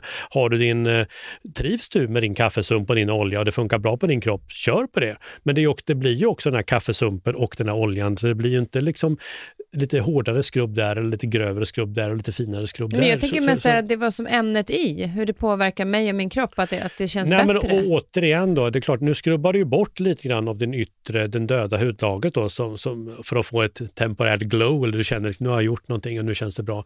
Och det gör ju att man, man, man temporärt kanske man exponerar sin kropp lite mer om man tar bort ett, ett hudlager snabbt. Att säga. Men, men generellt sett det mesta av huden är ju kvar. Så, att det, mesta, så att det, det, är inte så att det är någon stor systemisk påverkan av en skrubb. Nej, och inte innehållsmässigt heller menar jag då i den syntetiska framställda skrubben och i min Nej. Eh, lilla Nej, utan, hemmagjorda. utan en, en skrubb, är liksom, den, den temporära funktionen är att den tar bort död, som död hud.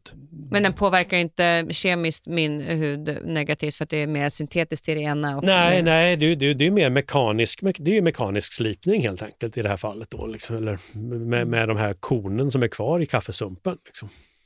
Ja, det där var ju intressant. Även om jag har förstått att det mesta är, och allt är kemi, så, så tycker jag ju att det är, men det är väldigt personligt då, att ja. det här med naturliga känns väldigt väldigt rent på något ja, sätt. Ja, och det får man ju tycka, och det med rent. ja, men alltså det känns mer för att ja. jag ser ju vad jag gör för någonting när jag blandar det själv. Jag mm. ser ju inte hur det andra har tagits fram och det är transport och det är massa andra saker. Så jag kan ja. bara känna att jag tycker att det känns mer naturligt för min egen del. Ja, ja men verkligen. verkligen. Ja, eh, det här var ju, eh, många av de här sakerna som jag var livrädd för får jag ju tagga ner lite på känner jag.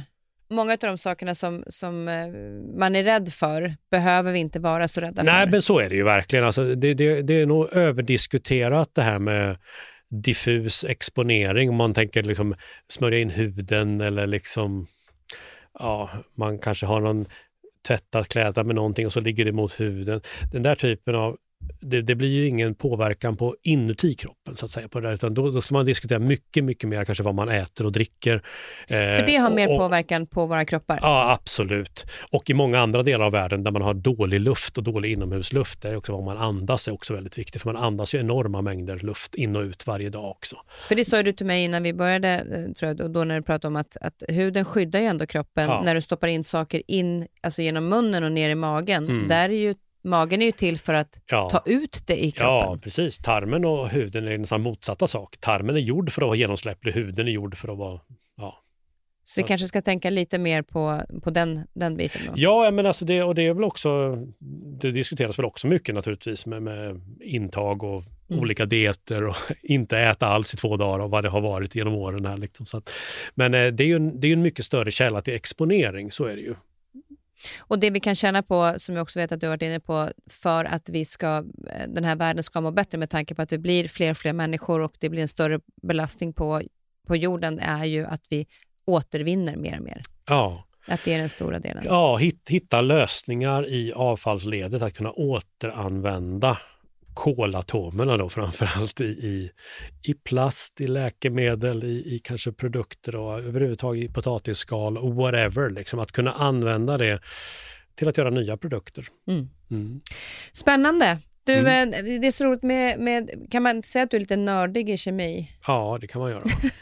Jag älskar nördighet. Eh, Men vad är du mer nyfiken på? Finns det någonting annat som du tycker är spännande? Ja, det finns jättemycket annat. Det är inte liksom bara så.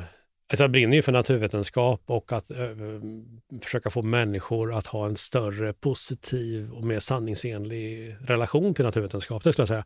Men i övrigt så är jag ju som folk är mest. Jag gillar fotboll väldigt mycket. Jag gillar idrott väldigt mycket. Det var kul med alla medaljerna i OS. tyckte jag var roligt. Och, och, och nu är det ju...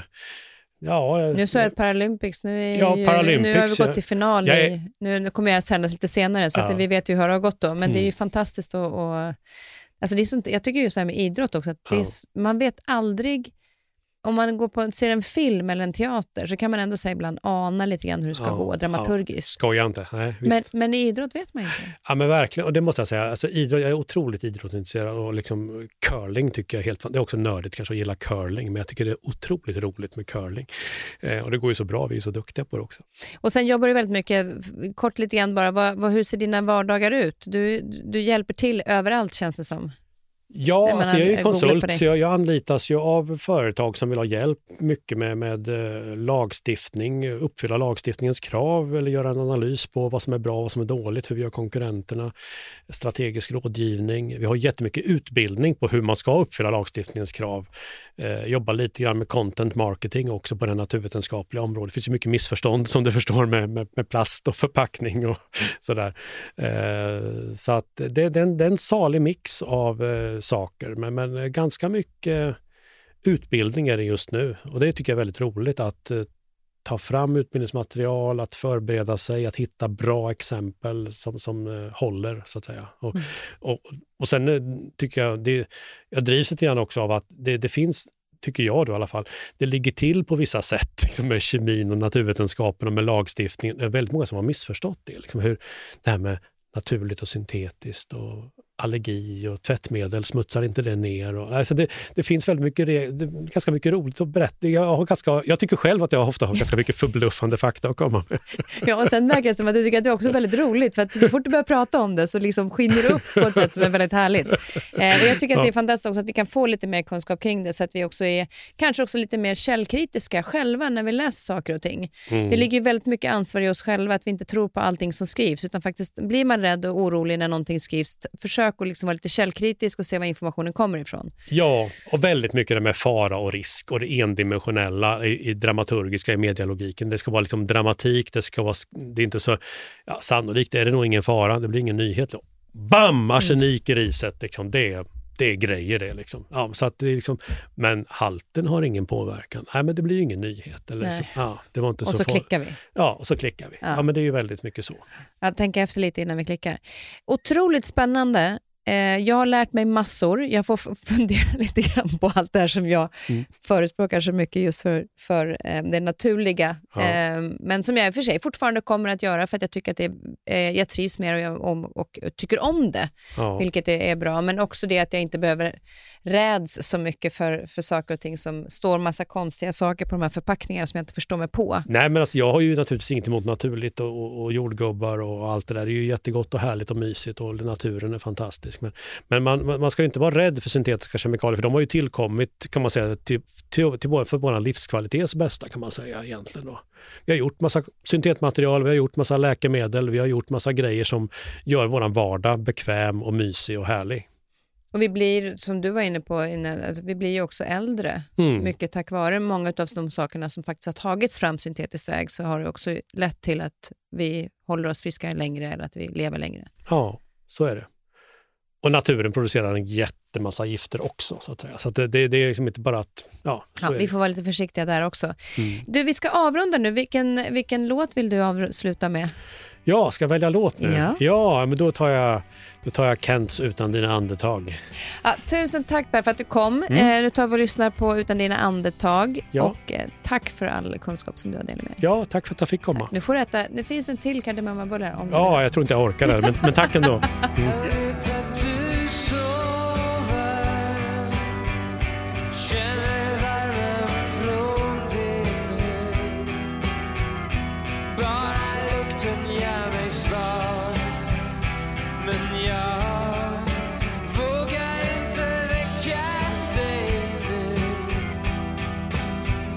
It's good.